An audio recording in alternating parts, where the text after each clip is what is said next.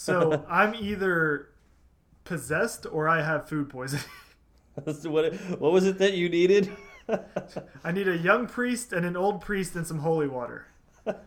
Ouija boards open the gates of hell. That's and why you I haven't re- and you need consulted. to rent and you need to rent your priest from the nearest Home Depot, right? I mean, I just said priest depot. I don't know what kind of Home Depots you have out in California. I, the ones that, that Let's rent see. priests I've apparently. got to pick up a drill and a bandsaw. And oh yeah, yeah, priest. Forgot about Give me a couple priests, yeah. I can see him just like sitting in the basket as you wheel him around. Gotta be like the the child seat, you know. Uh, There's probably other jokes in there too. yeah, there definitely were.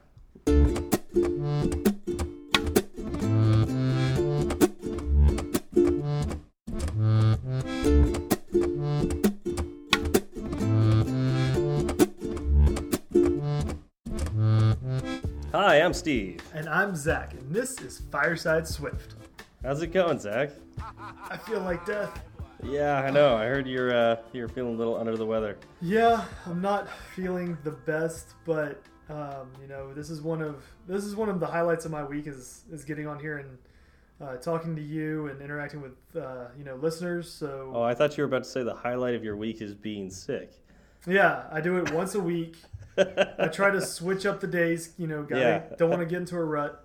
Yeah, yeah, that's that's best. Uh, yeah, Especially the, the, if you could do it on a day that you're working, because then like you have an excuse for taking the day off. that's true. That's Yeah. true. This is not really good to have it on a Sunday though. Um, I Um, feel bad enough today that I know I'm not going into work tomorrow. Like I'm exhausted, so I have no idea what this show's about to be. Um, you may hear me pass out about halfway through. Just, we Just, heard a loud bang. Just if you do that, if you hear that, just keep on trucking. Don't even worry about it. yeah, so I, I guess for uh, a podcaster, um, it is definitely better for when you get sick to it not be a respiratory illness, but be a uh, gastrointestinal illness. Yes. Um, and so, from what you've told me, uh you feel like puking. Um, Yes. So, luckily, uh, we don't hear that unless you start retching. and that's. I mean, there's a solid While we're recording. 25 percent chance of that any given moment. All right, so we'll try to get through this fast, and hopefully we do not get to that. And I promise uh, everybody listening that if it comes to that, I will have cut it out anyways, so Wow. you won't hear anything. Wow. I'm finally getting edited out of this show. Yep. It's too bad. so, uh, do we have any feedback from uh, previous episodes? Uh, follow up, right? Not feedback. right right follow-up. follow up um yes we we do have some follow up in fact this follow up is uh inside of the learn swift podcast that dropped this week.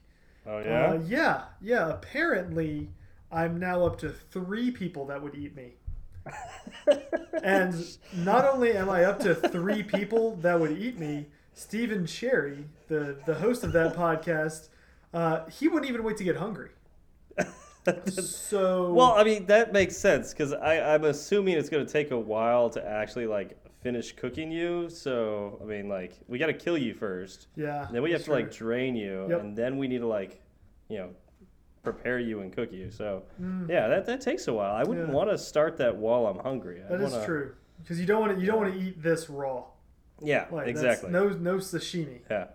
yeah. That's not what you want to do. Um, but yeah, I figure you know if I'm ever in a situation where all four of us are stuck on a desert island, I'll just I'll uh, you know start selling tickets to the buffet. All right. At le- L- at line everybody you, up. You already understand your place. This Yep. is good. Yep. Uh, and I'm, I'm, I'm outnumbered now. I, when it was just you, I was like, okay, there's a chance. And then you and Joe, I was like, possibly.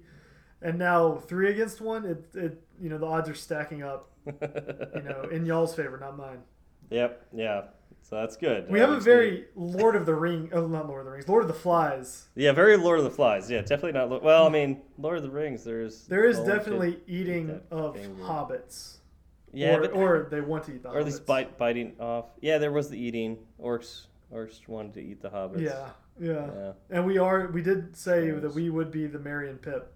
Yeah. Yeah. So, I mean, it makes sense. makes makes sense. Except this would be, you know, Merry eating Pippin, which isn't. Yeah, it'd be a little weird. It'd be, it'd be maybe. strange, but Yeah, maybe. eh, we'll see. Yeah, yeah. And once again, we are already off the rails. That's what we do here. Um, another uh, bit of follow up is uh, Two Straws. Uh, don't have the uh, the real name of this person, but Two Straws or at Two Straws on uh, on Twitter. Uh, he made a uh, Xcode extension called Sharpshooter, and um, It's so so real quick. Uh, Two Straws is uh, Paul from hackingwithswift.com. oh, okay, I couldn't figure that out. Okay, Yeah. cool. And I think Um, he's 2 Chainz' his cousin. Okay, He's, yeah, that's how Okay. that goes. So uh, he made a uh, Xcode extension, and I, I'm, I'm, gonna, I'm gonna say like I'm gonna guess he misunderstood us. No, I just love that he listened to this episode Yeah. or last episode and wanted to do this. so he he took what we had to say about debugging and using print statements debug, and he took it in an entirely different direction. Uh, They now show up everywhere, his extension adds print statements to every one of your functions. which is exactly what we were talking about. Uh, not quite. I absolutely love that he went out and did this. This is I- that makes me so happy. I laughed so hard when I saw this. Um, bravo. And Bravo. I, and I love his his analogy uh, and why he named it sharpshooter as well. He he named it sharpshooter after the story of a Texas gunslinger where he would, you know, fire at a barn wall and then go paint the target around the closest group of shots so he could be considered a sharpshooter. Makes sense. Yeah. Oh, I hit that target about uh, nine out of ten times, right? Yeah. Yeah. Uh, I'm gonna have that's to figure out how this works just so I can install it and run it once. Yeah. Just- yeah. I, actually- I have to. Thank you so, so- much, Paul. Yeah. Thank you so much. Uh, it's an honor to. Is it an honor? I, It's yeah, an I, it honor. is. I'm going to It's take it honor, as an honor. To, to have an extension made based on something I said, sort of. yeah, yeah. No, I'll let you take all the credit for that one Yeah. because we all know that in this relationship, it would be you that would do that. Obviously. yeah, probably. Probably. Obviously. Obviously. so, uh, this is actually a perfect intro to what we're going to talk about today because if you want to get this extension, you got to get on GitHub and you've got to download it. And well, geez, that that can be pretty tough for a new person, right? Is- like somebody who's just fresh into Swift. It is exceedingly hard for a new person. Um, I so real quick, Git and GitHub. It's kind of a source version control piece of software where um, you know all the code you write can then be backed up somewhere else, and you can you can control what version of code you're working on. Yeah. Right. Yeah, yeah, and like I mean, it's it's for version control, it's for collaboration, so you can actually merge code together. Um, but uh, like, yeah, it's particularly great for like not being able to lose the changes that you've made and being able to track what you've done, um, and you know, I don't know, just like uh, be able to like remove the fear of failure out of coding. Right. Because- Well, I, I think of it again. I play games. I think of it as like a checkpoint system. Yeah, right? Yeah. Like you get to a certain point, you you check all of your code in, and then you can keep working on it. And if you screw something up locally, you just pull back, uh, you know, all of the code that you checked in earlier. Well, of course, it's it's way more advanced than that too. Like, Yes. imagine if you could go back to any Well, checkpoint yeah. and like any checkpoint you've ever had, and then go back there and then make things better, and then also like, oh, but I like some of the stuff that I did on this checkpoint, and being able to like combine those two, and also get like a group of ten people also all playing the same game at the same time, and if they do something good, you can take their bit of something that did good. So That's it's perfect. like it's like checkpoints except way cooler. Um, so yeah, that's that's how I view Git. Um, I love that analogy. Like checkpoints, but way cooler. way How cooler. many how many Y's are in that way? Uh, uh, why? Yeah, W A Y Y Y. I'm thinking like a whole bunch of A's and Oh, you're going Y. you're going A. You're drawing out the middle. Yeah, the middle. Yeah. Is, yeah. I want to I want to say 10 Y A's. way E. No, see that's E. Yeah. Yeah. E. Yeah. Okay, we'll do it. We'll do it. Y yeah, that's that's Okay. where I'd go with that That's way. perfect. Yeah. Either that or it's W E I G H. you That is know, not the with, same. With a bunch of H's. Mhm. Way. Mhm. Okay. Anyways, um, so so we're gonna be talking about Git today. Indeed Long story short, um, and uh, I mean, I guess Zach, uh, let's, why don't you just dive into like what is the you know textbook description of Git? Okay, so Git, as defined by the textbooks, uh, is a fast and scalable distributed uh, revision control system with an unusually rich command set that provides both high level operations and full access to internals. Which makes sense to everybody, right? Yeah, that makes perfect Yeah. sense to everybody. That's why we read these definitions out. Yeah, exactly. Like there's there's no there yeah, exactly. So what let's break this down. So when it says it's fast, scalable, and distributed, do you want to take those one at a time or cover cover all three at once? Sure. Um, Sure. yeah. Yeah, sure. Let's take it one at a time. That's kind of what I meant to say. Let's, let's Okay. take, the, take the first one. Uh, fast. Uh, some version control systems are slow. I can't think of any of them right now. Um, did you, Zach? Have you worked with any other version control systems and some that can be pretty nasty? I have worked uh, with Google Code back when that was offered a few years ago. They discontinued it. Um, and I work with uh, SVN. Okay. Yeah, I've done daily some basis. SVN work. Um, and uh, SVN is not much slower than Git, but probably at the micro level, Yeah. it, it is. Yeah. Um, uh, but that's that's kind of out of my realm of thought. Um, if I remember right, uh, Git was developed by Linus Torvald, uh, the guy who made. Oh, was it really? Yeah, I believe I believe so. I, I, I could be completely wrong, and just that might be a legend. Linus, hit us up if it wasn't you. Um, Yeah, Let us know. right. Uh, but um, and any actually anybody else, you know, if I'm wrong, just let you know, hit me up on Twitter and just you know publicly declare me as wrong. Uh, it's but, fine. um, If we're doing yeah, this. anyways. We're doing this uh, Yeah. podcast. We're going to be wrong in public plenty of times. plenty of times. Uh, but anyways, uh, I believe this was made by by Linus uh, for making Linux, and so obviously he needed something that was quick because you know dealing with large files and and all sorts of different things. It needs to be scalable um, because you know the things he's kind of working with, particularly with Linux, were huge and also distributed. He had a multitude of people around the world all working on one operating system, and so obviously need to work in all of those cases. So uh, Exactly. Exactly. yeah, it's a way it's a way to collaborate with people that you may not necessarily see all the time because you're looking at the same code base. Yeah.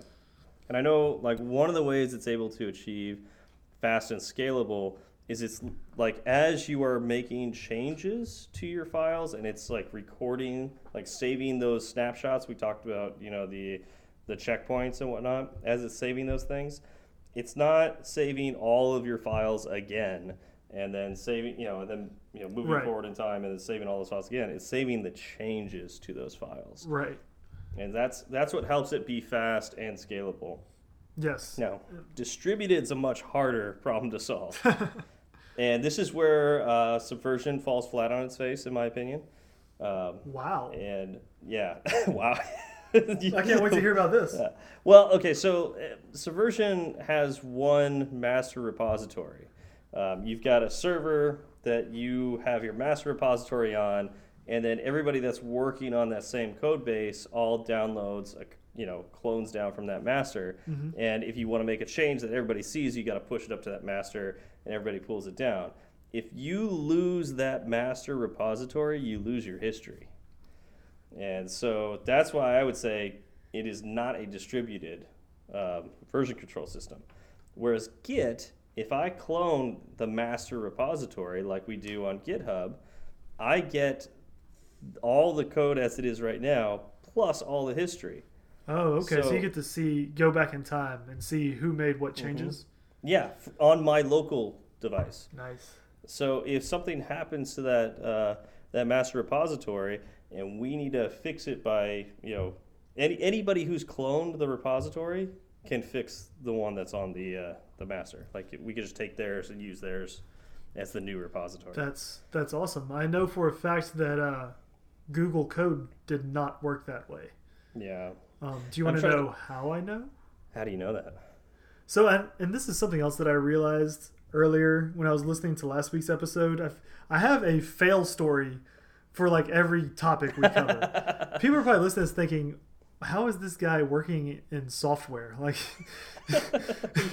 so here is Well, here we- is we've this ta- episode's failure. Yeah, we've talked about failing forward, right? So this yeah, is- yeah. sure. And, You learn more from failures than you do from and, success. oh boy, did I learn from this failure.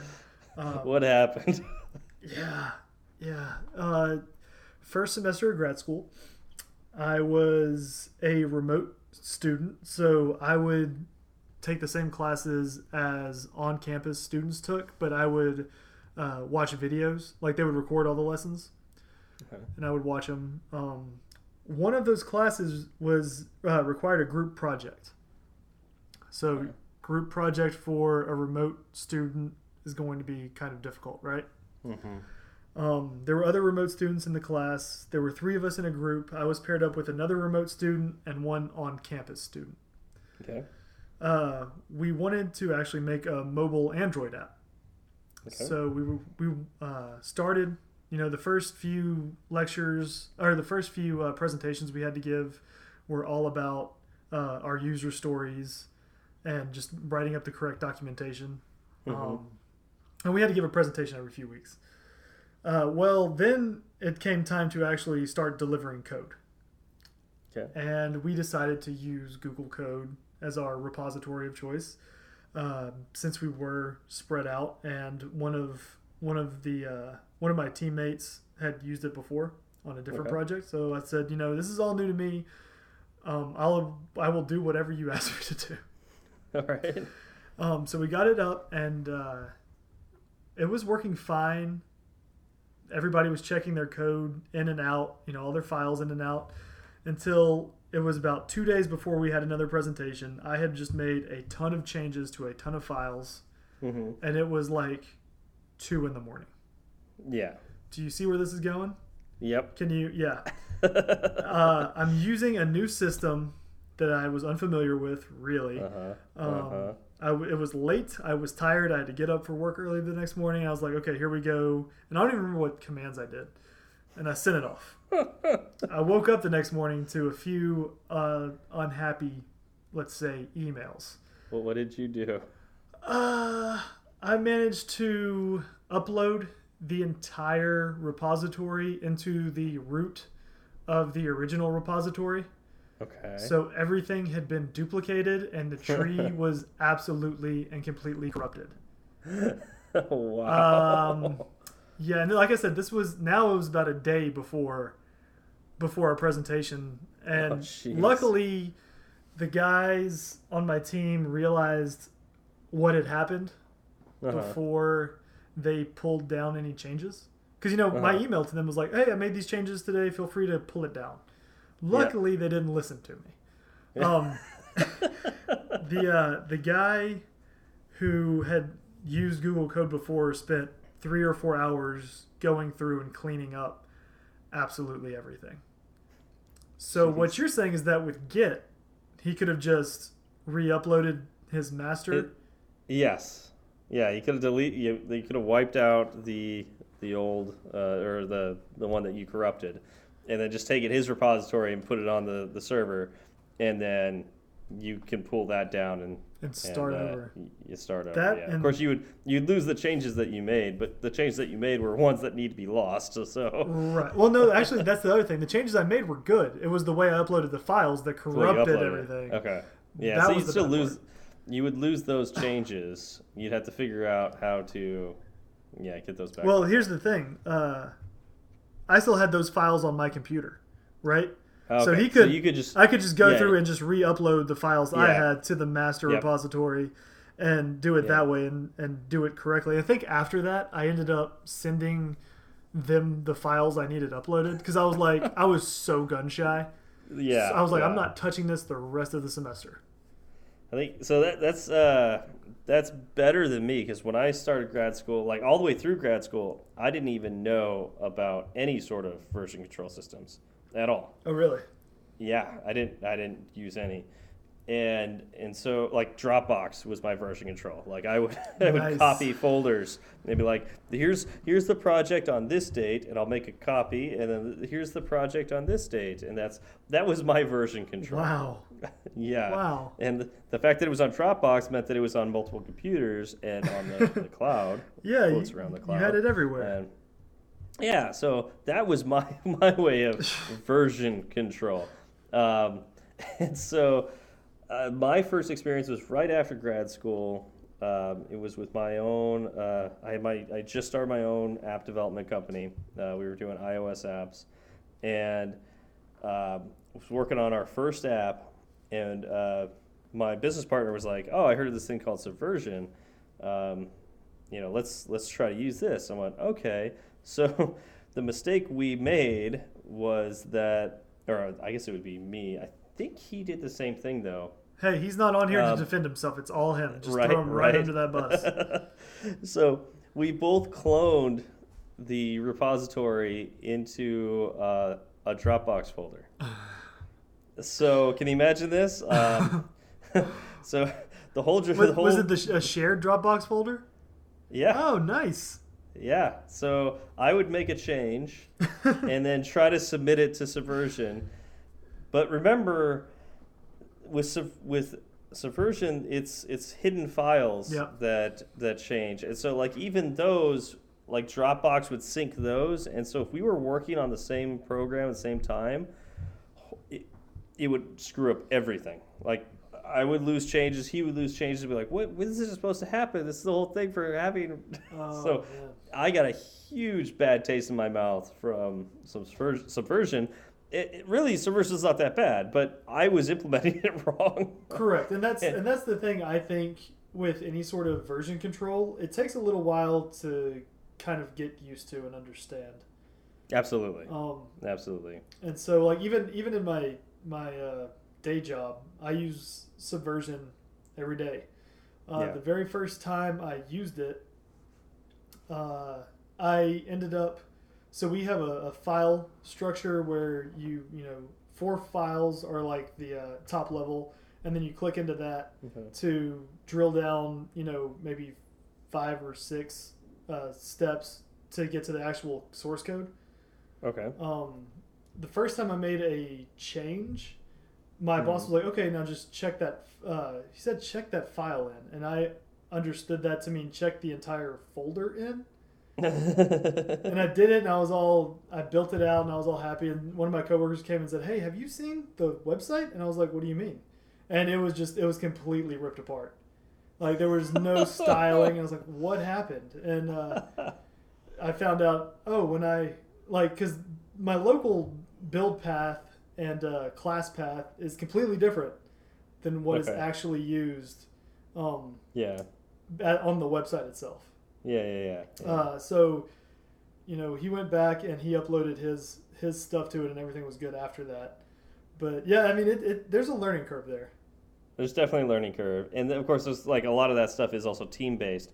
So, and in your case, environment based. Yep. So you had a certain environment, the team had a different environment, and you know when you were taking your code that you know is good and you want to merge it in with everybody else's code, you have to recognize the rules involved in that. Exactly. And so, some companies will have um, what were, uh, configuration manager. That's like the the job configuration management, um, where their entire job is to keep the repository in order. That Like, sounds that's, that's it. that sounds like a terrible job, honestly. yeah, like I, would. Oh yeah, it's Uh, to me that's up there with like Scrum Master of Yes. like. like, like scary uh, jobs that are like like this is going to involve a lot of like making sure that everybody's doing the right thing and a lot of stress and hair pulling out that you really can't control. You're just the negotiator. Exactly. That's- By the way, have, yeah. have you heard the description of what Scrum and Agile actually are? Uh, no, It's I mean, uh, I, maybe I don't know. Maybe It's it's a uh, software development technique where you and a bunch of people get together in a circle for 10 minutes every day and ask each other the same three questions until everybody dies. well, that's that's true. that, that is absolutely true.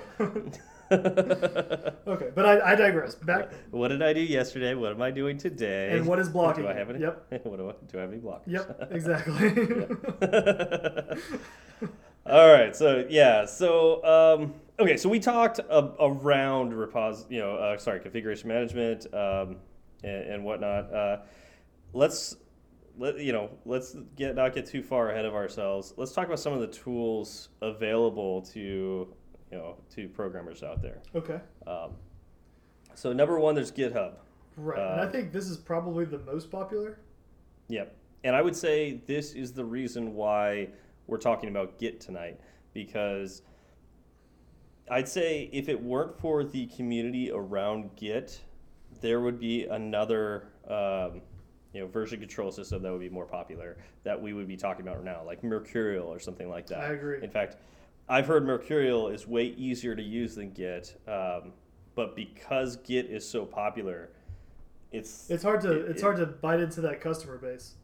Yep, yep, it is. So, um, so really, we're talking about Git because of GitHub, and GitHub makes it super easy to start your own repository.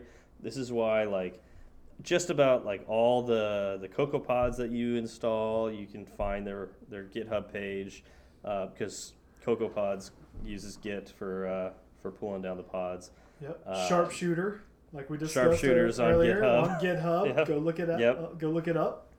I mean, we even created a GitHub page for Fireside Swift because it was so easy to make. Uh, we thought we would do some programming like for each of these episodes. Now it turns out that Yeah. making the programs took a little more time than we expected. Yeah, but, it was- but making the repository was much Oh, easier. exactly. Yeah. No. Getting getting that up and running was not a problem, but it it came down to do I want to write quality show notes or do I want to write the programs?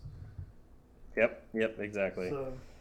So yeah, uh, GitHub's there. Bitbucket is another Oh, really I have popular used Bitbucket, tool. but Yep. Bitbucket's built on top of Git.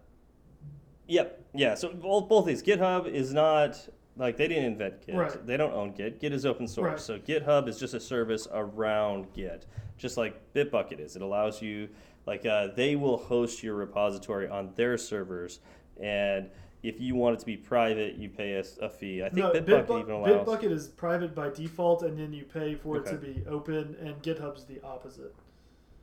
But I think like even with Bitbucket, like they only allow like two or three private repos. I think it's five. But Five, I haven't okay. I haven't looked at it. That's what I hosted my uh, my master's project on.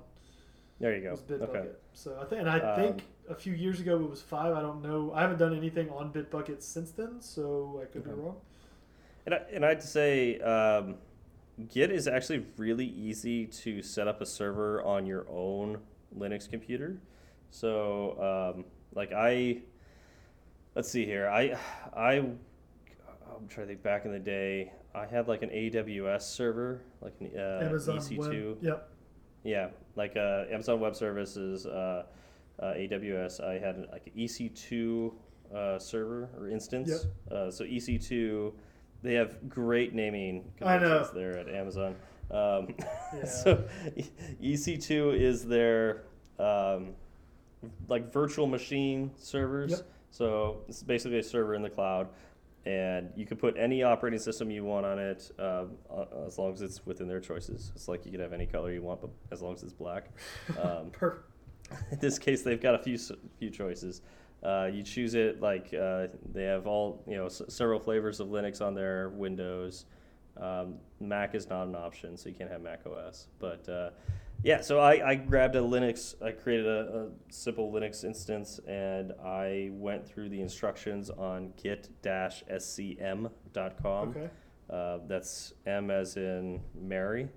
Um, so, yeah, so I, I went through the documentation there, and they walk you through how to create um, a Git server on your own instance and um, even how to lock it down. So if somebody, you know, so only you with your key, um, so you know your SSH keys, they'll they'll walk you through making SSH keys, and so you only you can log in Yep. into it, um, which can make it difficult. Uh, you then have to know how, you know, like if somebody else wants to access it, you need to make sure that you get the keys from them and so on and so forth. Yeah. But this is what I did for for my company when I first started out uh, with me because I had a very small team, and so we got each other's keys and we hosted our own server because we didn't want to pay GitHub for a private uh, repository, Right. and we didn't know Bitbucket, Big, Bitbucket Bitbucket existed? existed. Yeah, Nice. so which is funny because we use SourceTree. Uh, And what is source tree? I've never used source tree. so, all right, uh, have you ever tried to use Git on the terminal Yes. command line? Yes. Uh, is do you is that like your normal way of using Git? yes, it or- is. Okay, so, you're get weird. from the command line or a Um, GUI? I guess maybe you're not that weird because like I'll bet you if I ask that question to like everybody, like there's probably a ton of people who do this, and more power to you.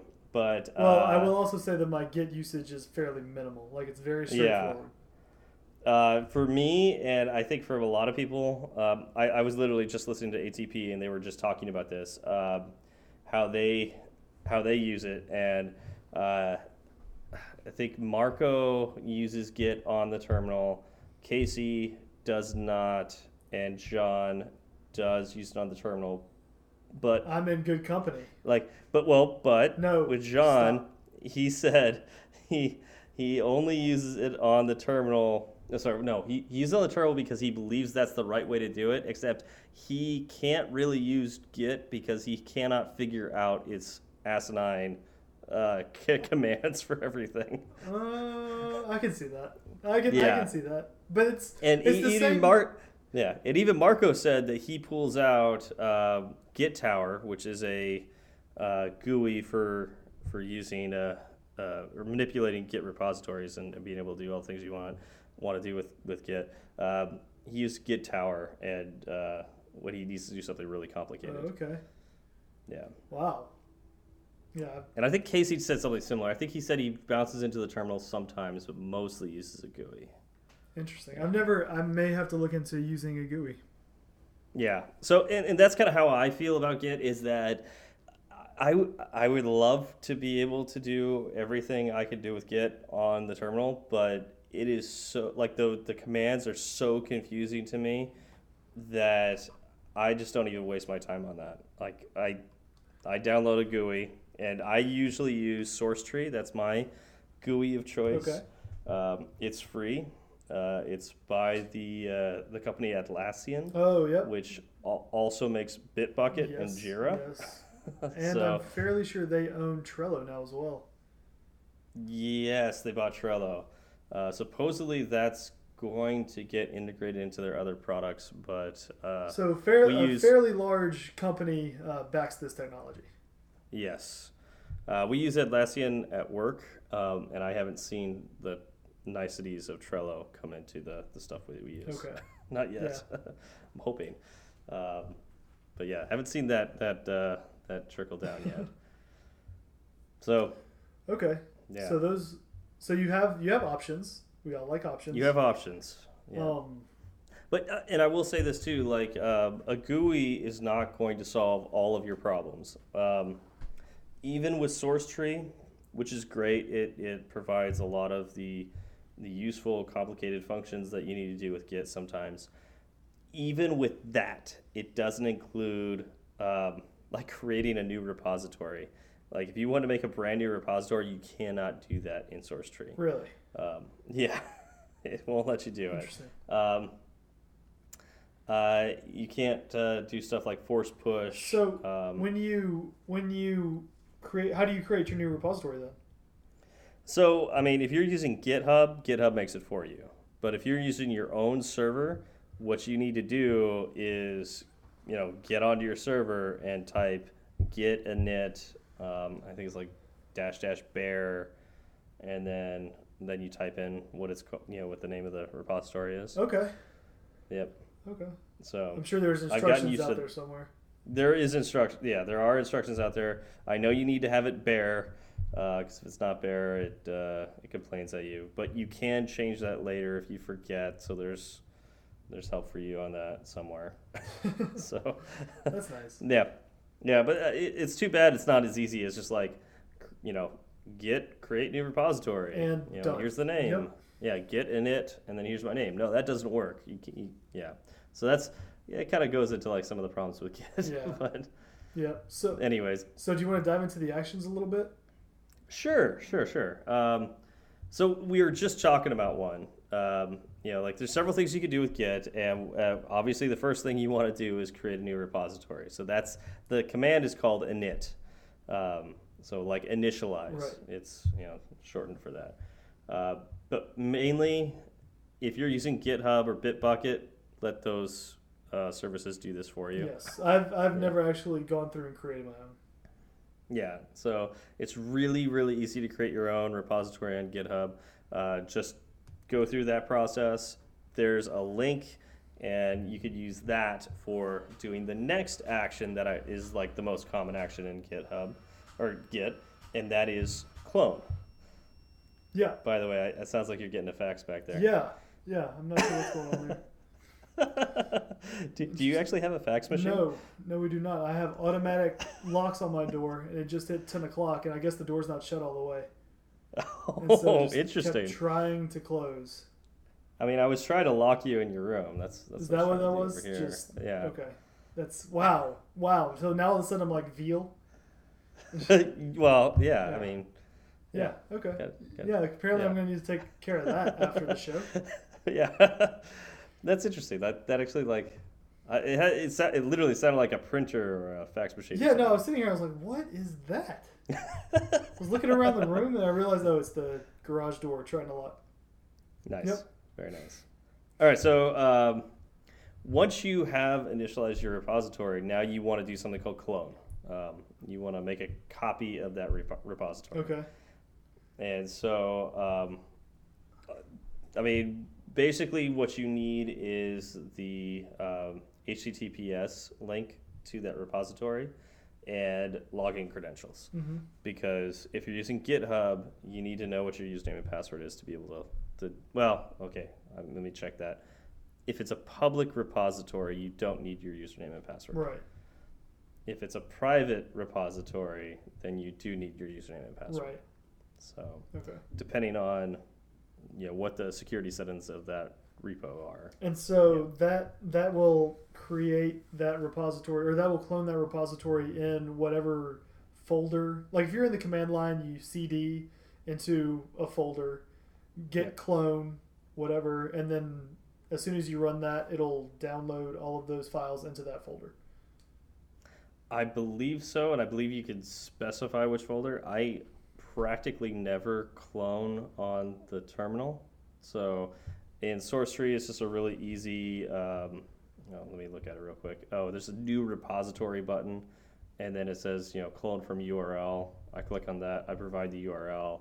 I make sure I know which destination path. You know where where do I want to save this repository, and and then I just and I can name it. I can give it a nickname too. Oh, cool. So I, it doesn't have to be named exactly the same thing as a repository because like oftentimes like repositories have the same name as other repositories. So you could be like, this is not the same one. This is the one that this guy made. Right. So yeah, so on and so forth. Okay. Yeah. Um, And so, So- now we get into a series of where we're actually putting our code on the on the server in the repository. Um, and it's it's I like that it's broken down into a granular granular level. Uh, the way it is, there you have to do multiple actions before your code actually makes it into the repository. well, I mean, it's I'd say it's like one action to make it into the repository, but it's your local repository. R- okay, So- I was talking about so actually going into the the like GitHub. You were thinking this. yeah, the shared and so that's- repository. and that's and again that's the difference between this and subversion or like sharepoint or one of those other types of repositories um, in git you have a repository that's local on your computer and then there's also a repository that's on the server and they are practically the same Oh, and real quick, so when you're creating a new project in Xcode, there's a checkbox. yeah Yeah. yeah, so that's want yeah, that's a new may want to bring that yeah. up. Yeah, no, I haven't really used it, but yeah, now uh, Xcode has yeah Xcode nine has uh, integration into GitHub, right? It, uh, well, on, in Xcode 8, you could say create a local Git repository. Oh, yeah, that's, That's what I was good talking point. about. Yeah, okay. And so well, that's- even in in nine they made it even better. I haven't looked yeah, at nine you're right. I forgot about that. Yeah, when you're creating a new Xcode project, yeah, you could click that button It says make a local Git repository, and it will do the Git init stuff for you. Uh, the the one difference is it's only a local repository. Right. It's not it's not on GitHub or Bitbucket until you actually Yeah. link the two and push your changes. And so like if your if your house burns down and you've got a really valuable project on your computer and your computer's in your house, guess what? You've lost that project. Yes. Um, but if you use GitHub and you download the repository and then open Xcode with it, you all your changes, assuming you push them to the server, which we haven't gotten to yet, uh, but assuming you push them to the server, now your house can burn down just fine. No worries Uh, there. No worries at all. at least you've. I mean, I'm sure you'd have other worries, but uh, at two. least your project your project is not uh, burnt to a crisp. Yep. So. Yep. And that's that's one of the uh, big bonuses of doing this, right? Is is making uh, your code base redundant in a few different places Yep. where if something catastrophic does happen, um, you know, like say your your computer just fries one day, like it's gone. Yeah. You can then connect to your GitHub repository on a new computer and then start from where you left off. Yeah, you just clone clone that repository again, and you're good to go. Exactly. You're working on you know a different computer. Um, you know, let's say you get a new work computer and it's a fresh computer. You just get on the repository, you clone your project, and you're good to go again. Yep. Um, yeah, uh, that's one of the great things about this. Um, yeah, yeah. I guess kind of moving on from there. Yeah. So so that handles commit, and now we have push.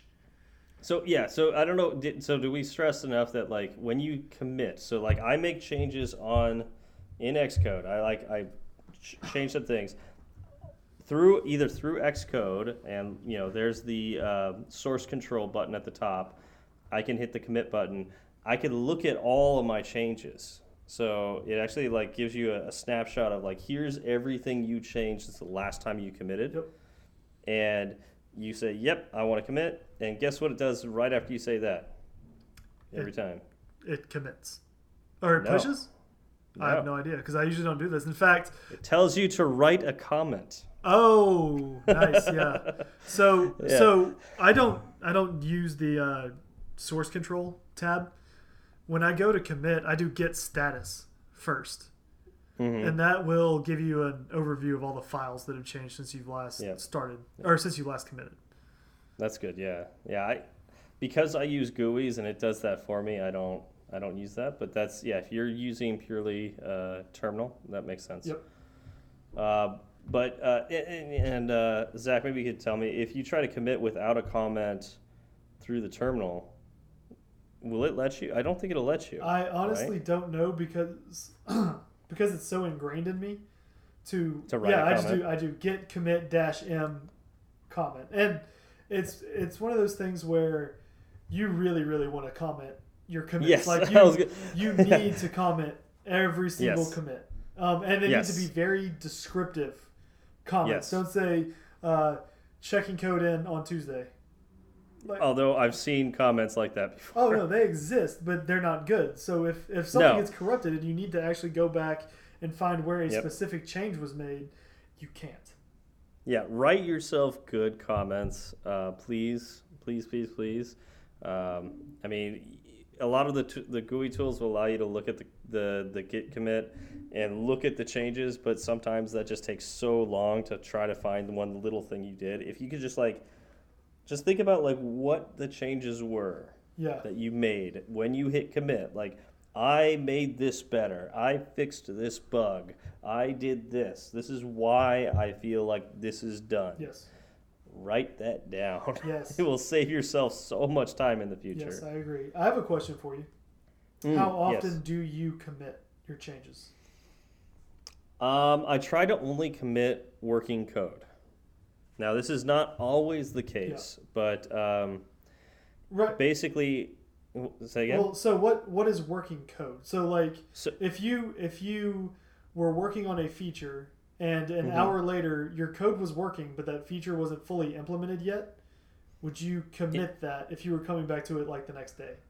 As long as the code can compile and do something, Okay. like let's say I'm like partially there, like I need to show an alert box, and so I've got it so the alert box shows up, and but it doesn't have the right language in it, like it doesn't say the right, Right. words. That might be fine. Like let's say it's the end of the workday, Mhm. as long as it compiles and I can you know run it, I can acknowledge in the comments that this is not done, and commit that. I'm okay with Okay. that. Not some people are not okay I'm, with. I'm in the same boat with you. That's the exact same thing I do. every so often, it, I'd say this is a really bad practice. I will commit non-working code if it's at the end of the day and I need to get going or somebody's distracting me and I need to save my code. Sometimes I will still commit it. I don't like doing that, but I will make sure in the comments I say, this is not like I will Right. bold like uh, you know I'll make it really loud for me. It's like I, this is not working code. Um, I stopped because of this, and this is where I left off, and this is where I need to go. You know, start again when I get back on this. Yeah, we are on the exact same page because I do Yeah. I do the same thing. Um, because there are plenty of times when, uh, especially with my my Xcode project, my Swift project, where I know it might be a couple of days before I get back to it, but I really want to have my code committed just in case. Especially if you're like going like working at home and then working in the office or like Yes. working on a different computer or something like that. Like uh, yeah, it's uh, you want to get that on the server because you you've done work. Right. You know, you may not have gotten to a, a state that uh, you know is good enough to ship, but you know you don't want to lose those changes. Yeah. Yeah. Yeah. Okay. So yeah, we we do the same thing. I try not to, Yep. and if if it's one of those things where I'm working on it at lunch and I'll be working on it again later on in the evening, I won't commit it Yeah. just because I know I know I'll be back to it soon. Um, if you have a good branching strategy, I think this is fine. If your branching strategy sucks, then yeah, then obviously don't commit stuff that uh, you want other people to see. My trunk doesn't you don't want other branch. people to see. Yeah. Yeah, so that would be bad. Yeah. Don't do that. but we haven't got to branch No, yet. no. we'll- So right. have we we talked about push. All right. Well, Did- yeah, we talked about commit. I think we just finished up commit. We mentioned push. Okay. So push is what happens when okay, so I've committed code onto my local repository. Now I want to do what I want to do is take those local those local changes and push them onto the server and make the server have those changes too. Yes. So That it'll synchronize your local Git repository and the server Git repository. Yes. Okay. Yeah, on the branch that you're on. It won't necessarily do it with other branches, Right. but yeah, on the branch that you've made changes and that you are currently working on, you can push those changes. Right. Yep.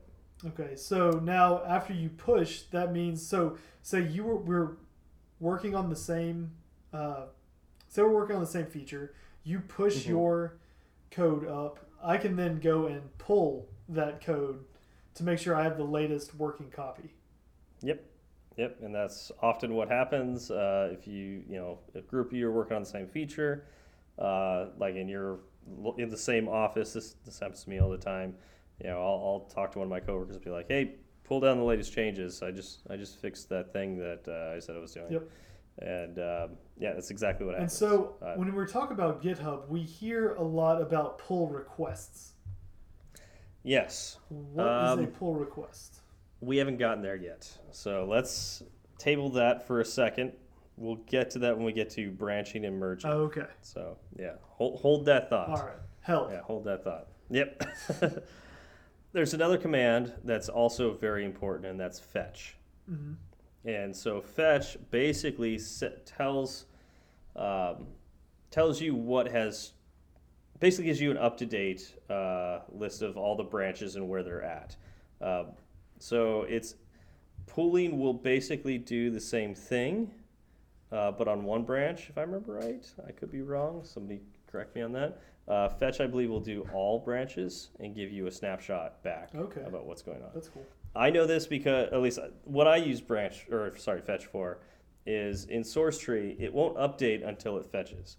So and often t- it does a lot of fetching in the background to keep the local you know the the GUI in the the GUI that I see that has all the branches and everything. It will fetch to keep that up to date. Um, and if for any reason it's out of date, I can explicitly hit the fetch button and make sure it's up to date. Oh, cool. Um, now, I don't. I've never d- used it on the terminal, so I don't know. Have you used uh, fetch on the terminal at all? I use about five commands on the terminal, and fetch is not one of them.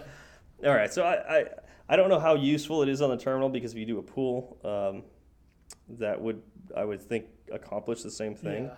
Yeah. Um, I, But, it sounds uh, like it would. yeah, but there's probably reason to do fetch as well. Um, I just I this is again this is why I don't use it on the terminal because I get I get confused with what you can and cannot do on the terminal, or at least what you should or should not. do. Understandable. Yeah. Um, reset. Um, this is also a command that I use all the time when, let's say, I let's say I want to pull down Zach's changes. You know, I want to I pull I want to pull down your changes, Zach, and I have already made changes to my local repository in between, uh, you know, when uh, let's say we're both working on the same bug. Right. You fix you fix it first, and you push it up to the server. Yes. And now I've I'm you know I've got code that I was trying to work at. I've decided, oh, okay, Zach got it done. I don't need my code anymore. How do I just clean up and get rid of the code that I'm working on? Because I don't use it. Any, I'm not going to use it anymore. Right. Um, that would be reset. Okay. So it just goes through can- and it wipes it out from the last pull, or last commit. Uh, from last commit. Last, Last commit. Yep. so what so if you what if you reset- committed and then commit. pulled? So get ri- I- uh, ri- get rid of the pull. So if wait, say, say that again. So if like you if I if you committed your changes and you worked on it, and then you pulled from the server, and then you did reset. no, that reset would just take you back to the last commit. Okay. Okay. Cool. Yeah. Now there is a terminal. yeah, there there's a terminal command. Uh, oh, jeez, I'm, I'm probably getting everything confused. This is see, again, I, I work in source tree all the time. That's what they call it in source tree. But I do remember there's also a reset command that will actually essentially go like re undo a commit essentially. Yeah. Um, so in that case, yes, if you're on the terminal and you do reset, that will undo a commit Okay. potentially. Uh, but I don't know how much it does that. I, I will use it from I will use it very very sparingly, um, and I will. You can also explicitly say where you want to put the changes, and I will um, often say uh, basically put it on head. Um, head is like a weird concept that I don't know if I'm prepared to explain. so say there's this mystical thing called head in in Git. Um, it's basically where you're at in the, the timeline of code changes. Okay. And when you so I when I do my resets on in the terminal, I will say put everything on head. And basically that undoes the last commit and puts it all into local changes. So Okay. the, the most recent Yeah. changes. Um, now, if you're using something like uh, Git Tower or Source Tree, at least I believe Git, Git Tower's got something like this, I'm sure, but Source Tree definitely. Um, basically, what it's doing is just resetting, undoing all my changes to the last commit. It will, Source Tree will not let me undo a commit. Okay. So that's kind of why I know about that that terminal Yeah, commit yeah. because like every so often I've had to do that. I've had to undo a commit, and it does have like an undo commit command, Mhm. but what it does is it reverts the changes and then makes another commit with those reverted changes. I don't want that. Right. I want I want to actually like literally undo a commit. And you can do that Git, um, and in the you have to use the terminal for it. Uh, so just be very careful with that. So and, and unfortunately, it's the same terminology, so that's what makes that Yeah. kind of Yeah. That that's not yeah. good. So yeah, this is another reason I suggest using a GUI because it tries to protect you, and that's And good. we need protection. Yeah. Although one of the things I've learned about Git is it's it's actually pretty hard to get into a state you can't undo or get back to. Yeah. Like even I've, I've even if you- on that as well. yeah, like even if you've done something which you feel is uh, you know catastrophic, you could pretty much always undo it. Um, but that's that's a longer discussion, I think. so we're, we're discussing the basics here. Yes. yes. All right. So Now we're going to get into something that's more, you know, the more complex things you can do. right, the things that Git. I should probably be doing, and I understand to a certain degree, but me just working on my own code, I don't. And I should put I should do this for each feature I build. Yeah, I was gonna say like you should practice this stuff for like on your individual projects because it will get you, it'll make you better for when you start seeing this in the wild with other projects Right. with working with other people. Right. So that the first one, the big one is branching. Yes. branching. So when you branch a repository, you make a new. Uh, so it's it's I don't want to say clone because that's its own Yeah. word. Um, Yep. you're basically working on another uh, set of files. I what's the best way to explain this? No, yeah, it's basically um, It's a way for you to Yeah. work on the code base without messing with the original code base. Yeah, yeah, that's I guess that's the right way to say that. You could literally have like if there's three people all wanting to start at the same set of code. Like you've got a working app, right? yes. Three people want to work on this working app. You don't want everybody just making changes to that app and pushing it to the, the server because if you try to make changes yourself and push to the server, it's going to say you've got a merge conflict. Yes. Like, Or you can't- or you you just can't do that. Yeah, or you, and I've seen this as well. You just end up overrunning someone else's changes. Yeah, you don't want that either. No. So you want each of these developers to have their own, like, like you you you, met, you said clone. It's almost that way. Their own set of code, their set of changes that only they see that nobody else affects. Right. And so that's a branch. You branch off of your initial um, your initial line of code, um, and so you can have multiple people working on the same starting set of code. They make their changes to it, and when they're ready, they do something called merge. And this is the part where my mind gets blown. This is where you run into merge conflicts, and you have to do, figure Yes. out which code needs to stay and which codes you're going to Yes. overwrite. Oh, Yes, and so this is. I think merge conflicts alone are the reason there's a whole job built out of this. I agree. Um, and so, like in, in the past uh, places that I've worked, the uh, configuration manager will sit at the computer. They'll be the only ones allowed to to um, make changes on the computer, um, and they'll have the two engineers sitting next to them, and they'll look at the code and say, "All right, is this important?"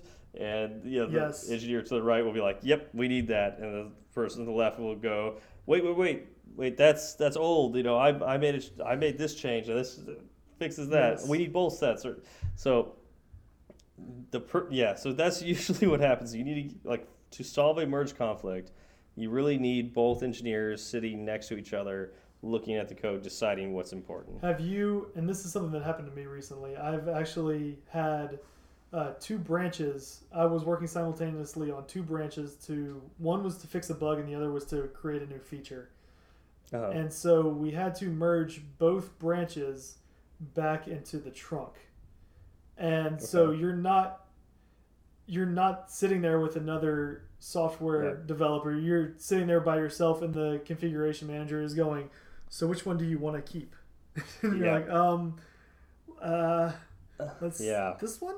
And that, I was about to say that it's like oftentimes when you're working on open source projects or other things like that, like you need to solve merge conflicts yourself, and that can get really tricky. Um, so Yeah. Yeah, That's it, it, that's the tough part, and that's it. With practice, you get better at this. exactly. So, yeah, So uh, and there's there's many different strategies with this too. So I don't, and we don't have time to go into all of that. Yeah. Yep. But- yeah, I know my last merge happened a couple of weeks ago, and it took about two and a half hours. Oh, geez. Wow. Yeah, it was fun. Yeah. So. it was fun.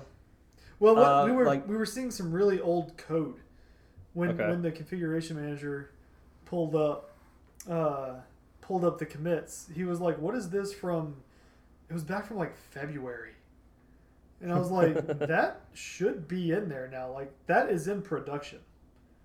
And this this branch was actually cut from the production trunk, so that there should not be a conflict there. So that was that was a whole lot of fun.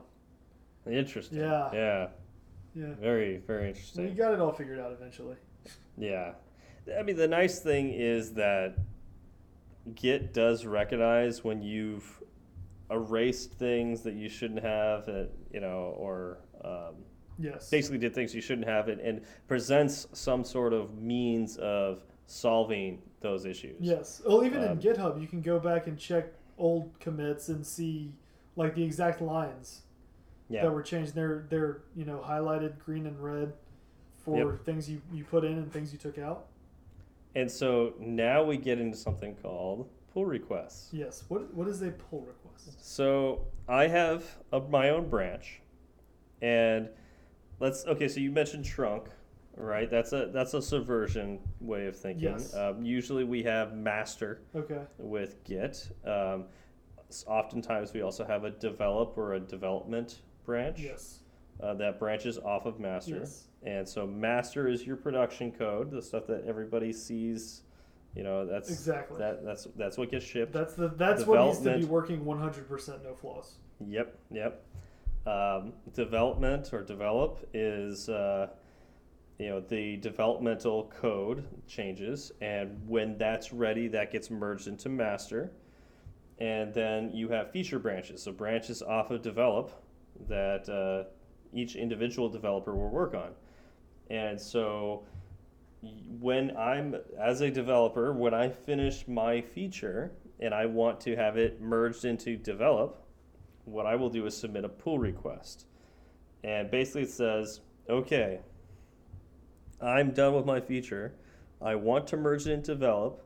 Here are all the changes I've made. Here is my documentation about what I changed, you know, like all my notes and for every commit. If you make terrible git commit notes, Yep. uh, then you've got to write them yourself right now Yes. because you need to be able to tell your team what's changed. So this is another reason to make good Yep. notes. That stuff's public. And- like everybody else is going to see that too. Yep, yep. And so uh, then you basically um, it sends an email out to everybody on the team that you want to review your code, and you cannot merge your code. Well, depending on rules, but you should not merge your code into develop until you get approval from your team. And so that's what a pull request is. Is it's basically this email that goes out that everybody can look at. Everybody can go to GitHub or whatever service you have, Bitbucket or whatnot, and look at your changes and basically say, "Yep, that's good to go," or make comments on certain lines, or you know, suggest other ways of doing things. You know, and, and they could basically say, "Yeah, it's good to merge into develop or not." Wow, that's so with uh, SVN that we use at work. That is, we just commit into our, our branch, Mhm. and there's no there's no outside. Uh, There's no way for you to do code reviews Yeah. with uh, with that. yes. Yeah. Yeah. So that's one of the really nice things about. Um, I, I don't know if it's a. I doubt it's a Git exclusive thing. Um, I'm sh- I'm sure there are other ways of doing pull requests, and I believe it's it's basically through these services. It's not it's not really a Git thing. Right. Um, it's it's more of a GitHub thing. It's more of a Bitbucket thing. It's a you know it's a way of doing code reviews, and um, it's really nice because uh, with with those services you can place rules around it, like you need at least one approval from these people, um, or you need at least two approvals from these people, or you need an approval from every single one of these people before you can ever merge it into oh, that's nice. into the That, next that kind of branch. Yep. oversight's good. Yep. Yep. So, uh, th- th- th- yeah, that, that's kind of nice. And plus, it, it provides a, a nice tool for actual code reviews. Because, you know, everybody's done like the, well, maybe not everybody, but a lot of people have done like the code reviews where you like put your code up on to like a, yes. a projector screen Yes. and people look at it that way. That's such a painful way to do It code really reviews. Um, this is a way, f- like especially for remote employees, to basically like at your leisure, uh, look at the code, make comments, you know, and it keeps everybody informed. Yep. So Yep, and that, that kind of communication is key, especially when, like Yes. you said, it comes to remote employees. Yep, definitely. Okay, uh, some other advanced things you could do. Uh, stash. Uh, Zach, have you ever used Stash? I've never once used Stash.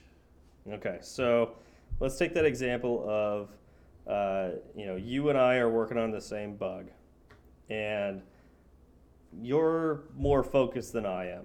Um, I'm working on the bug, but Likely. I see, yeah, I, I see something else that needs to be fixed. So I start working on that. And that's why you get done first. Okay.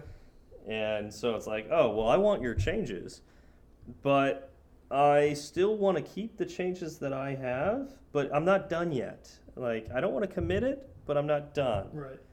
So what I want to do is I want to set my changes aside, pull your stuff down, and then apply my changes on top of Oh, okay. So it's a multi-step process. Actually, it's a single step process. I can with Stash, all you do is you set it aside. Oh, okay. So you take all your changes. It essentially resets your resets back to the commit, like we were talking about with reset, Mhm. and uh, sets it. it you know, basically just sets it aside. You you can write a comment on. You can name it and you know describe it a little bit. Um, like I was working on this, and then Zach bugged me, and I needed to to look at his. It code. happens. yeah, It something like that. Yeah, so you set your code aside. Um, it does save it to your local repository. I, it does not push it up to the server. Uh, so I can't I can't get my, my stash from anywhere else. I only get it locally. And then I could I could pull down your changes, and then later I could apply my stash on top of your changes.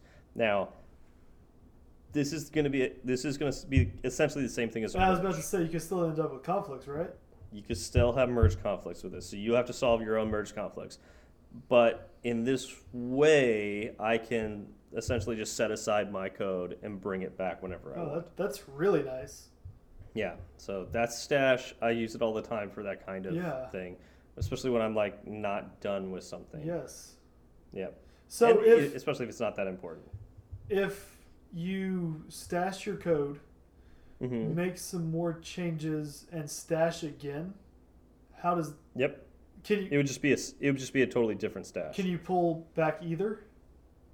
You have your choice. Okay. Like when you apply the stash, you can choose, at least on Source Tree, um, you could choose to apply and then delete it, Oh, that's nice. or just apply it and you could keep it there.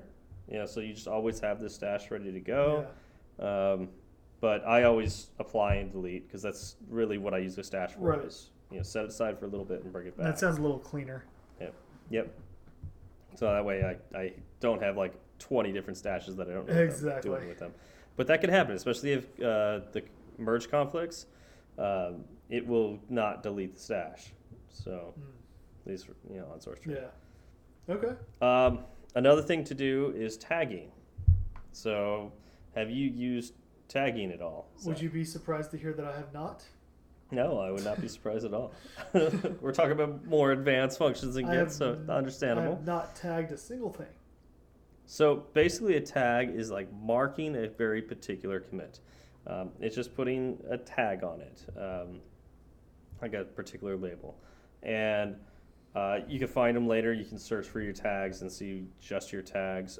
Um, so what I use tags for are releases. Okay. So if I, whenever I do a release, like even a QA release, Yeah. I will tag that so I know exactly which commit it was that had, you know, that, that went out to somebody else. Okay. And so that way, when they tell me something went wrong and I ask what version it was, I can always look back, find that commit, get it on my computer, and look at the code.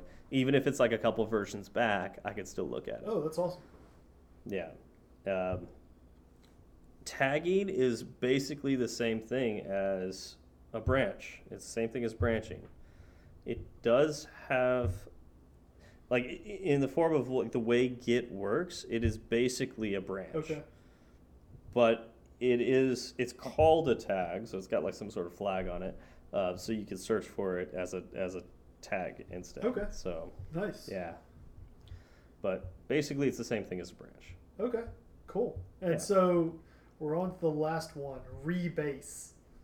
Yeah, so rebasing. There's a lot of this is where we get to like the uh, I guess the politics of Git, um, whether or not you you sh- you should rebase or not. Um, there have been many an argument about rebasing at work.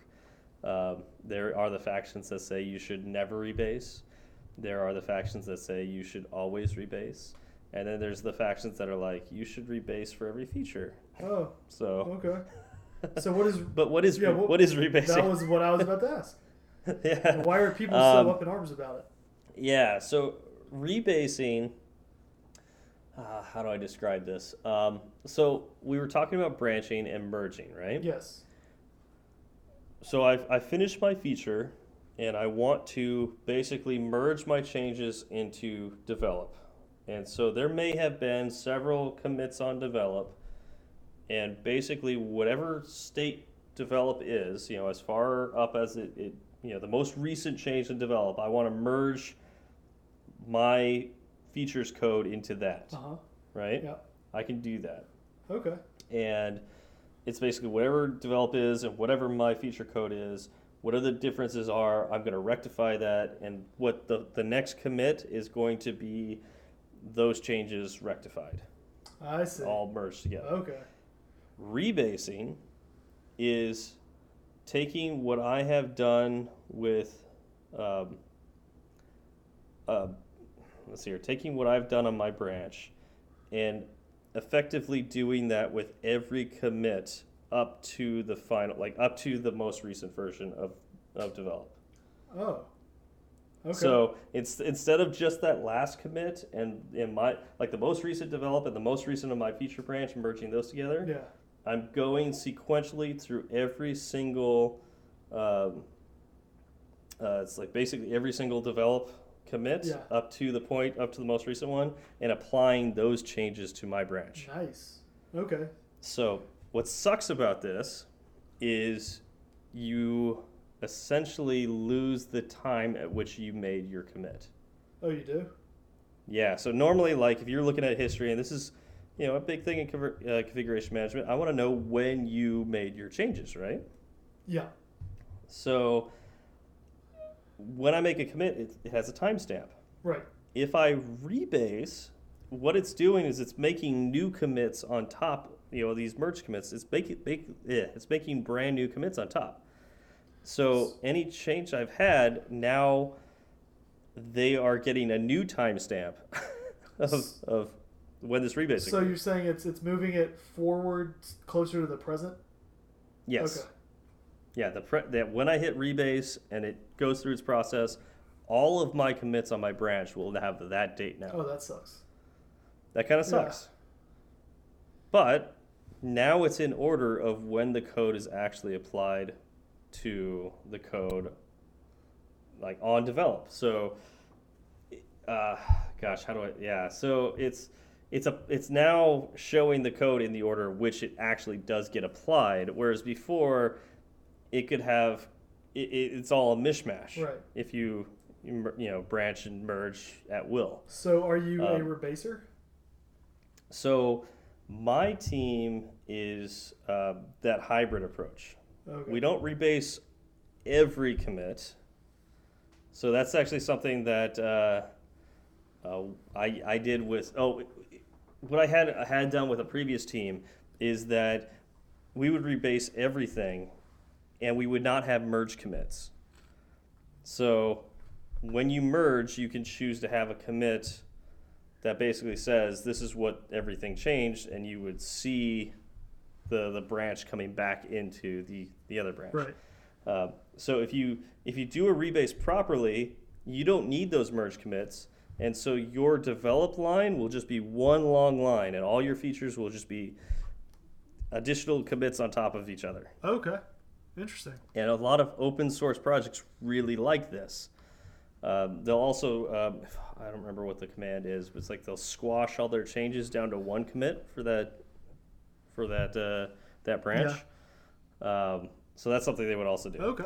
Uh, I don't like this because I actually do want to see those changes, but I want to make sure that they look separate from what's on develop and that the only commits on develop are the changes that were made. Right. Like like are are the final changes, not not the changes that are made, Right. are the final changes. Okay. Wow, that So, sounds I- okay. it's really, it's really complicated. is. Um, but then we have another team at work that does not do rebasing at all. And if you look at their code, it works, but it's really difficult to see who's working working on what, at what point does everything merge together. It's it's it's like this tangled mess yeah. and I I would be hesitant to make a lot of changes because I wouldn't know where people were. Right. Okay, that makes sense. Yeah. So I am a rebaser, but Oh, you're um, a rebase light. yeah, but uh, only on features. Yep. So Okay, that yeah. makes sense. Cool. yeah. I like it. So hopefully, I mean, I we got pretty technical towards the end there, um, and this is a really really hard subject to describe on a podcast. yes, it is. So hopefully that does help some people. I mean, it helped me, so I'm glad we had this conversation. That's good. Yeah, we went to a few of the uh, unknowns for me and Git. Yeah. It's it's something I need to do. I do need to feel a little more comfortable about. So I'm I it helped Yeah, me. it- yeah, this is this is just it really like I know this is something that like every one of us as developers need to learn how to do, um, but this is like a really hard subject to teach um, because of all the abstract topics around it, like the, the concepts around it. Um, I know, like for me, I taught. I'm a self-taught getter, I guess um, if you want to call it Yep. that. Um, so I I had to learn on the job, and for the for like two years, nobody would be sharing my repository. It was just me. Right. And so, but I did it because I wanted to back up my work, and if anything went wrong, I wanted to be able to go back to things I did, you know, did. And it took about two years for me to learn how to do branching at all. Period. Wow. Like literally like Yeah. two years. Yeah, I can see that Um, working by yourself. Yeah. And then it took like another year for, you know, to learn how to rebase. Um, so now I feel pretty confident with both of those things, but like there's still so much I don't understand. Um, but uh, yeah, it, it is something you need to learn when it comes to this. And I, I like, I want to do like a meetup where I, I try to explain this, but I have avoided doing that for, you know, a year and a half now. People have asked me to do it, and I've, I've been avoiding it because it's it's uh That it's a difficult and complex topic. how long are your normal meetups? Um, we usually start at seven and end at ten. Okay, so But- that's that's enough time to cover most of this. but we usually have like a half hour bef- at the beginning for a little bit of socializing and getting to know each other, and then towards the end, it's a half hour to forty-five minutes of socialization. Oh, okay. so, so really, it's like an hour, hour and a half. so you could just jam this uh, podcast. That's then- what I'm hoping. Yeah, just put it this way. So really, this this whole thing was was to make it easier on you. Yeah, Okay, yeah. it all Yeah. makes sense now. this is my uh, practice for the meetup that I'm going to give next month. Perfect. Well, you you're on record now. yeah, there we go. You said it. I did. I said it. it was said. So, is there anything else you want to cover before we? Um, I did want to mention some alternatives. I, I know we, we did mention them, but Subversion is out there. Uh, Tortoise SVN is a fantastic tool um, if you're into Subversion. Yep, that's what we Um, use at work. Tortoise SVN. Cool. Yeah, uh, it. I really like Tortoise. Um, there is Tortoise Git, or yeah, I think it's Tortoise Git, Uh, but if I remember right, it doesn't work as well as the SVN version. Interesting. Yeah. Um, there's Mercurial out there as well. Um, it's command like uh, it, like for Subversion it's SVN. For Mercurial it's HG. Um, That, makes is the- sense. That's the Yeah, that makes perfect that's sense, the- right? Yeah, molecular formula for mercury. There you go. Not everybody knew that. I didn't know that. Uh, well, that's that's where my biology background comes in handy. There you go. yeah, I, I yeah I had to learn that fairly yeah well fairly recently a couple years ago. But like when I first heard of Mercurial, I was like, uh, what? Why is it HG? yeah, go look at a Oh, periodic table of elements. yep, it's there. Very nice. Yeah, but I think that's that's all I got. Do you have anything more you want to say about Git? Uh, just real quick, what my what my this is my complete Git rundown. so I make my I've worked in my code for a while. Git status shows me all the changes. Git add dash capital A adds them to the local repository, I believe. Yep. Git status again to make sure that all of those changes made it. Git commit dash m with the message. Git status again, and then git push. Yep. And that is my rundown from the term, terminal uh, every time I do it. I uh, I challenge you to uh, download Source Tree and see if you like that better. Uh, okay, I may have to It's it it's it's free, so you really you, you really should have no arguments. but then I have to learn a new thing, and that's well, you already know it. You just it's just less less uh, things you have to do. oh, this is all complicated. This is no that that I'm looking at it now, and it does look uh, it looks good, yeah, I'm a big fan of it. awesome. I've been using Source Tree for about four years now. So Okay, well I would download it, but it would probably blow up my uh, connection. yeah, do it later. do it later. Yep.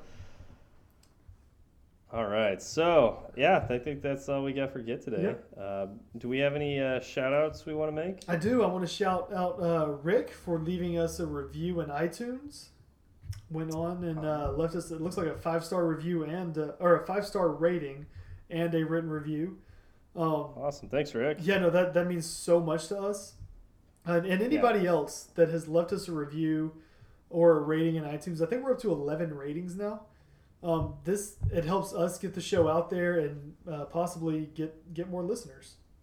Yeah, yeah. Uh, really, really appreciate anybody who takes the time to do that. Um, I know, like, I, I, for me, it's so difficult to leave a review for anything. I'm the Um, same way. I honestly don't think I've left a review for anything on the App Store or the or the podcast, but um, I yeah, I need to because now that I'm on this this side of the the gate, um, it it means so much to us. Uh, so thank you for taking your time to do that. Yes. Uh, and I'd also like to say thank you to South Hills Code on Twitter for the suggestion for the show. Um, Oh yeah, that's right. Uh, you guys were the ones that uh, that uh, got us to do this. Yeah. Uh, yeah, so hopefully this this helped out some. Um, oh, okay, let's let's go through this. If uh, Hmm. so sharpshooters on GitHub. Yes. How do I download that? Like I don't I Oh. don't want it to be a repository like I'm not working on the code. I want it as a feature. Okay. So how do I how do I get Uh, that? Do you know? Yeah, so uh, you, you had me do this on the fly because I don't remember exactly where it is. There's the place where you get the um, there's a download link and, or a download drop down, and you could choose to download uh, via. I'm just this is on the top of my head. Um, you could do SSH, you can do HTTPS, or you can just download a zip file. Oh, okay. And if you just want the code at where master is right then and there, you could actually specify other branches too in GitHub. But if you just like it defaults to master, so if you want the latest code, um, the latest uh, production code, you want to go to that little drop down, change it from uh, SSH or HTTPS to the zip file one. I don't remember exactly what it's called. Okay. and then there's a download button. And you just do that and it'll just straight up download all the code. You unzip it and it might even unzip it automatically. I don't remember.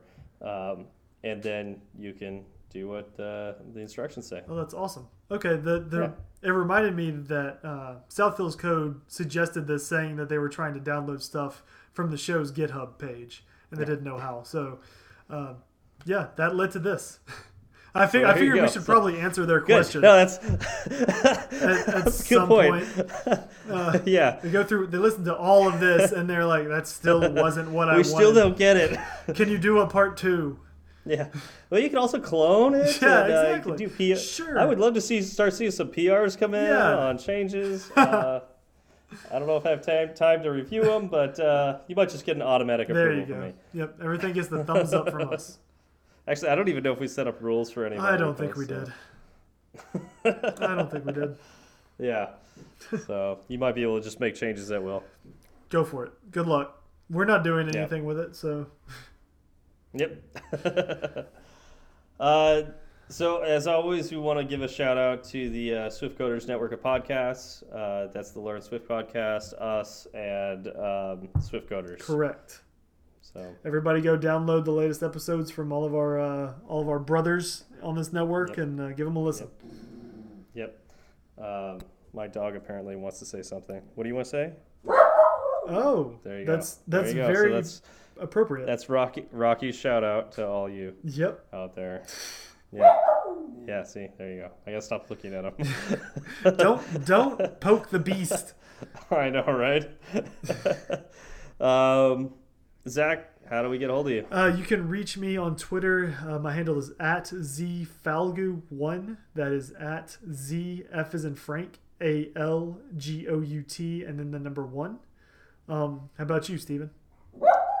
Or Rock? Does Rocky have a Twitter yet? He's just not gonna He's stop. probably is he? just really upset that he doesn't have a Twitter. Yeah, that's probably it. Um, you can reach me at uh, SW Berard. That's B as in boy, E R A R, D as in dog. And we also have the um, Fireside Swift. Rocky, he's just not going to No. stop. Um, we also have the Fireside Swift Twitter page. What's what's that It's one? uh, at fireside underscore swift. Cool. Yep. Oh, and if you want to send an, an email, that's firesideswift at gmail.com. We have so many ways for you to get in touch. So many ways. Come on, so uh, send us an email, send us a tweet. Um, we love interacting with our listeners. Absolutely. All right. Well, this was. Rocky doesn't want it to end. He just wants it to keep on going. he just he just wants to keep it going. All Sorry, right, well, sorry, thank- Rocky. Yeah, sorry, Rocky. Uh, he's not. He's he's yeah. he's not forgiving. He's not a very forgiving Oh beast. well. Oh well. All right. Well, thank you all for coming out, and uh, we'll see you next week. Yep. Have a good one, y'all.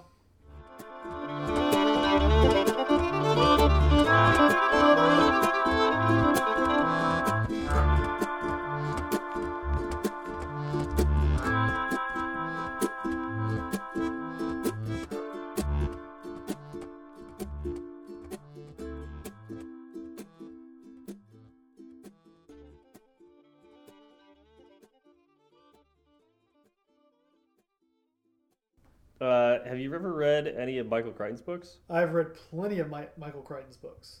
What's your uh, What's your favorite? Oh, I've. Now I have to do research. um, I remember liking Jurassic Park. You wrote that, right? yeah, Jurassic Park's pretty fantastic. Yeah, I think I've read like every single one of his books. I, I believe I have read most of them, but I need to find an actual list. I'm sure Wikipedia has it. Yeah. Here. Michael. So Andromeda Strain, that was a pretty good one. That one was a fan. That's a classic. Yeah, that was a good Yeah. one. Uh, Jurassic Park, Lost World, yeah. and I read those back when I was in like elementary school. Yeah, I know those are not elementary school. No, books. they're not. Not even a little bit. I used I actually used Jurassic Park in my AP English Lit. Um, what's the the final exam? Like uh, you you know like uh, in high school when you take AP English and you have that final test at the end of the year. I never had that problem. You, you never had to take an AP I never. thing. Well, it I got it, it got me college. I used Jurassic Park and it got me out of English for all of college. Wow. Yeah. So that's pretty amazing. How how did how did you swing that? so so um, there's I think you have to write like three essays. So there's like three questions and you write three essays. And the first three are based off of like you read this uh, you read like a long that's a short story. You write you read a short story and then it asks you a question, you write an essay about that about the short story Yep. or poem or something. Um, so there's three of those. And then the fourth one is open ended. It asks you a question. It says like, of all the books you've read, tell me or tell us about a, a person that uh, you know write an essay about a person that does this or something you know like this. Um, and I remember thinking at the time, man, Macbeth would be really great for this epi- this essay. Yeah. You know, whatever the question was, but I couldn't remember all the names of all the characters. And I thought that would look really bad in the essay that I didn't actually know the names of the characters. I can see how there would be marks taken off for that.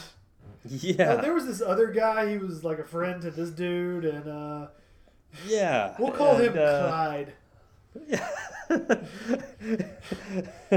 and Bono over What here. does Shakespeare know about words anyway? Yeah. And I'll name this one Dude Face. Yep, dude face, classic Shakespeare. Yeah. So, uh, yeah. So because I couldn't remember the names, I, I didn't use Macbeth. So I'm like scraping my head. Yes, Rocky. Um, so I'm like trying to figure out like, you know, what other book I had read, and it has to be one of the. A- a- yes, come, like, come I here. am still here. Yes, I will hold you, and, and then you will be silent. Um, so you have to use one of the approved AP English Yep. books, you know, of the of the list. And I remember like a long time ago, like in junior high, I remember hearing that Jurassic Park was on this AP English list. And you know, I was like, "Oh, you know, I got to read it because it's uh, you know a book that that'll be useful in high school." Right. and I remember loving the book for how graphic and It was. terrible It was very graphic. Yeah, it's, it's great for a junior high kid. Oh, I, I Um, ate it up. I, I want to say I was yeah, in like sixth I grade when I read it. yeah, I, I, I absolutely loved it. Um, but what's really funny is because I actually read it more than once. You know, I actually read it a couple times through high school too because I just I loved that book so much.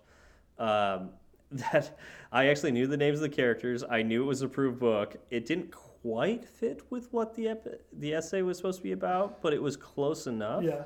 And so I wrote my essay on Jurassic Park and I passed the test. And so I didn't have to take. I, I think that one test gave me six units of English uh, credits in, in for college. Wow. Yeah. Well, way to go, junior high Steve. Uh, you Yeah, really read, smart. read the tea leaves on that one. Right? Dang. yeah. So did you read uh, Lost World as well? yes.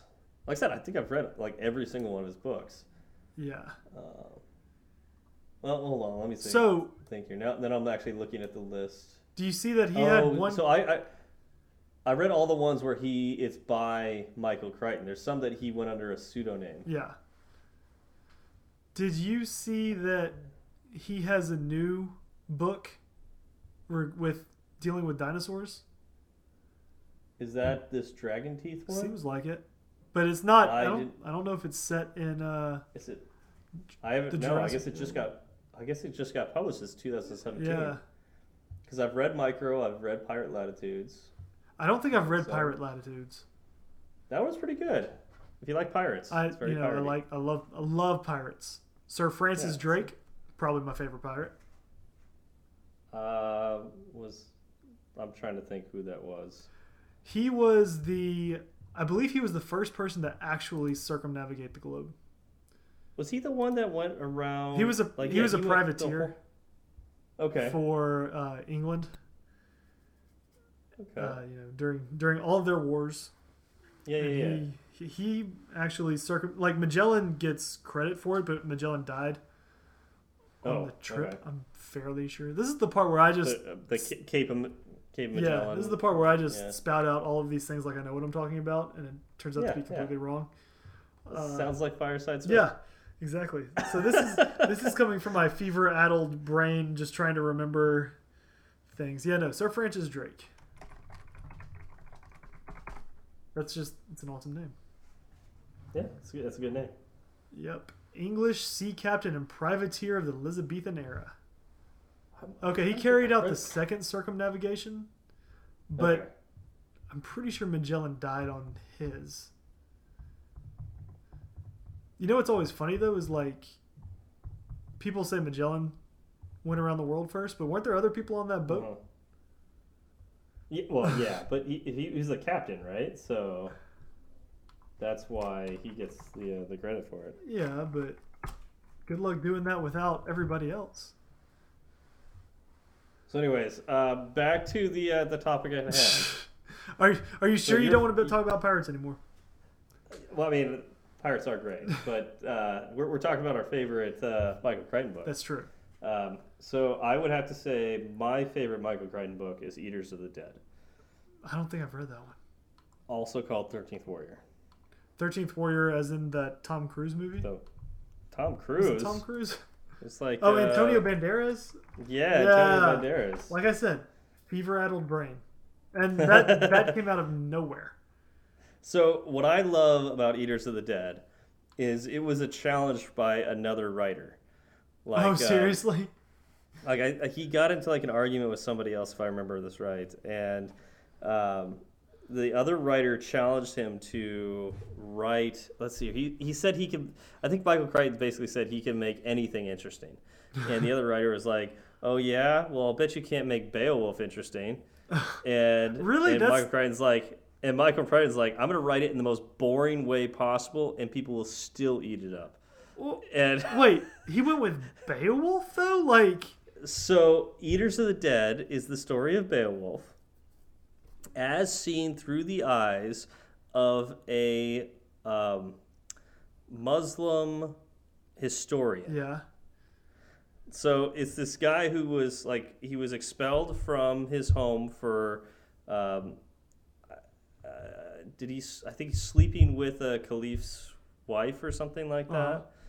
and so he gets ex- he gets banished, uh, but he's given the task of documenting the Northmen, and so he goes to you know he goes up to the, the northern the northern tribes and um, basically just documents documents as dryly as possible what he sees wow. and it's the and he basically is there for the story of Beowulf and he writes the story of Beowulf but as if it was like instead of like the you know the stories like uh, of Beowulf has like fantastical creatures and all that well this is written like okay so I actually like he you know he it, it's all believable now Right. so instead of dragons, it's like an army of uh, of men who are walking down the the mountain with torches and dressed like bears and stuff. And so, um, from a distance, it looks like a, a worm that's coming down the mountainside of fire. Yeah. So the fire worm. Right. Yep. Um, you know, they're not. These guys are not actually, you know, beasts that uh, you know that they're they're dressed like bears because they're part of this cult thing. Um, yeah, it's really fascinating. Really, really, really fascinating, and it's it's a really, really good read. Even though it's funny that it was like, literally written as if a historian wrote it. So it's like should be even more boring than, Right. than uh, you know the story that most people consider boring. Which I, I think Beowulf is a really fascinating story. I agree. but, you know, I mean, I'm just gonna get all naked and, and fight some monsters because I don't want any advantage over them. It's Yeah, basically yeah. uh, how that boils down. yeah, Yeah. totally. That's incredible. Okay, well, Yeah. so we need to come up with the uh, Fireside Swift reading list. A reading club, yeah, yeah, I agree with that. It's gonna have uh, a bunch of Crichton books on it, some some King books. Yep. Uh, obviously, the Wheel of Time books will be on Yep. there. We'll put Um, uh, Rothfuss on there, even though you haven't read him. Which one was that? The Name of the I know we were talking about that at one point. The Name of the Wind. Okay. Yeah. You'll have, yeah. Yeah, we just need to make this list so I, I know what these are. Like I don't even remember what the what was the that one series that we both knew about that I couldn't remember. The Malazan Book read. of the Fallen. Yes. Oh, yes. that one is so good. We Yeah. give you a million characters, and they're all going to be interesting. Yes. Ah. Yes, yes, yes. Did you did you ever get? Hold on, because you said you didn't finish that one, right? I don't think so. Uh, let's see. I don't remember how far I got though. Where my two favorite characters were Tehol, Tehol, and Bug. Okay. Basically, one of them is like just this crazy eccentric guy. He wears he just wears a towel everywhere, and he ends up like being. Let's see if I can remember. He ends up being. uh Yeah, so he's super intelligent, right? But he always acts like he's a moron, just Okay. to uh just to you know make just to fool everybody. Mm-hmm. Um, and his manservant Bug is like an elder god. Oh. And Bug doesn't really want to be an elder god, but they like and they just joke back and forth. Uh, it's it's fantastic. Was it was one of those guys like super fat? You're thinking of the oh god, what was his name? Yeah, you're he would hang out in that bar. He was known as the Eel. Let's see, the Eel Malazan. Yeah, that's. I mean, that's I. That's one of the great things about these books, but also one of the terrible things. Like, You have to remember all of the stuff. yeah, Yeah, I'm. all of the names. Yeah, the eel uh, was super fat, and he, he turns out to be whatever his face is. Like you don't know who. Like everybody always talks about the eel, and like he's this super shady character, and it Uh-huh. turns out to be uh, like this guy who just sits in the bar all the time that everybody thinks is drunk, and he's actually the one like uh, pulling all of the strings. Croup, Croup, Krupp, K R U P P E. That was nothing. Like, And he So rides his donkey everywhere. to- That's right. Yes. I would- I'd be uh, talking to my buddy Carrie about um, the book. You know, as I was, you know, books as, as I was reading, because he would loan them to me, and then we would talk about them. And the names were so weird, and of course, you're reading them, you're never pronouncing them. That when we would talk about it, every so often I would not know who he was talking about because in my head I would have pronounced their name differently through the whole book. Yeah, no, I, I did the same thing.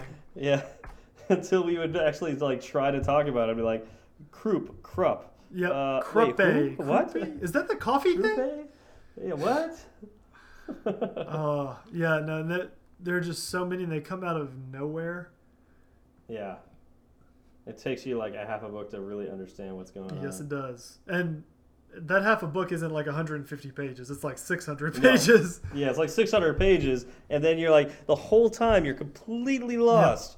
Yeah, you're like, And then, yeah, about halfway through, it's like it just oh, kind of it's clicks. starting to come. Yep. It's starting to come together now. And then, like the next 300 pages are like ex- super exciting, Yes. like awesome, like yeah. And then like the the last 300 are just like uh, you know. And then this happened. Yep. Yep. Oh, what? Actually, no, those those go to the bitter No, end. they, They, go like yeah, no, right they to- go to the, yeah, like things, like the last. It's like the last chapter. That's like it ends. Like you're like, how do they solve this? And then like the last chapter, it's like all everything's all figured out. Yep. So you read you read Gardens of the Moon Yes. and did you read Memories of Ice? Uh,